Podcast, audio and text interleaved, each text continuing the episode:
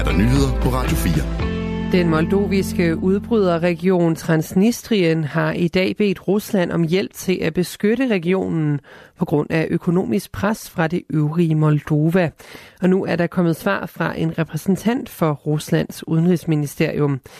En repræsentant for ministeriet siger til det statslige russiske nyhedsbyrå TASS, at beskyttelse af Transnistriens folks interesser, vores folkefælder, er en af vores prioriteter. Transnistrien ligger på grænsen til Ukraine, og området er kontrolleret af pro-russiske styrker. Anmodningen fra Transnistrien er blevet sammenlignet med et lignende ønske om beskyttelse fra pro-russiske oprørere i det østlige Ukraine kort inden Ruslands invasion for to år siden. Moldova kalder anmodningen om beskyttelse for propaganda. Vi skal have et beredskabsministerium, der kan gøre danskerne klar til krig eller krise. Det mener de konservatives formand Søren Pape Poulsen.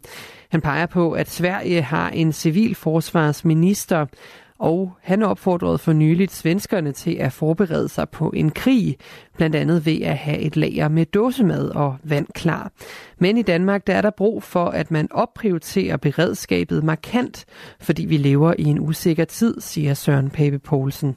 Og det mener vi ikke nødt til at gøre ved at oprette et beredskabsministerium, fordi det er, en, det er et stedbarn rundt omkring, og vi har brug for, at det har et sted, hvor det er fuldt i fokus som skal styrke, som skal koordinere ansvar for det civile beredskab og sikre, at danskerne og danske virksomheder er klar, hvis vi bliver angrebet. Og det er både militærangreb, det er cyber, det er forsyninger, altså øh, IT-infrastruktur, vand, vandforsyning, strøm.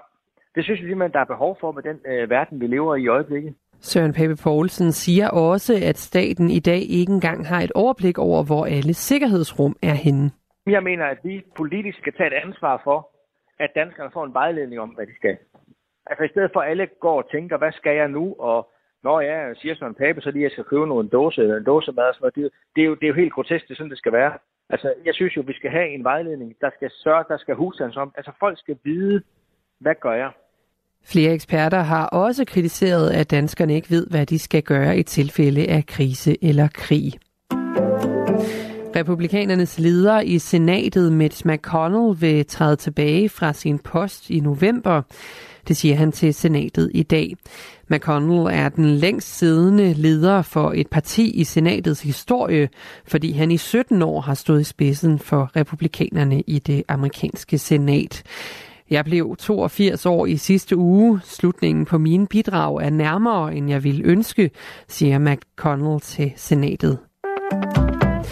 Prins Harry har tabt en retssag i London mod den britiske regering, det skriver nyhedsbyrået Reuters. Prinsen har klaget over, at en komité i det britiske indrigsministerium har besluttet, at prinsen ikke længere automatisk kan modtage personlig politibeskyttelse i Storbritannien. Heller ikke hvis han selv betaler for det. Beslutningen blev taget efter prins Harry trådte tilbage fra sine officielle roller i det britiske kongehus i 2020 og retten har vurderet, at den beslutning var god nok, siger Morten Rønnelund, der følger britiske forhold for Radio 4.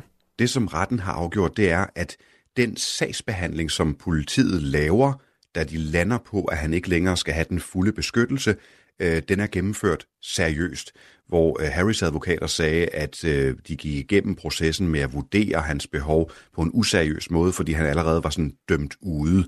Der blev set skævt til ham, og derfor så har han altså fået en dårligere sagsbehandling, der endte med et nej til beskyttelse. Og det retten så siger, det er, at den sagsbehandling har været fin, og når de er landet på, at han ikke skal have beskyttelse, jamen, så er det efter alle kunstens regler vurderet korrekt. Prins Harry bor nu i Kalifornien i USA og besøger kun Storbritannien en gang imellem.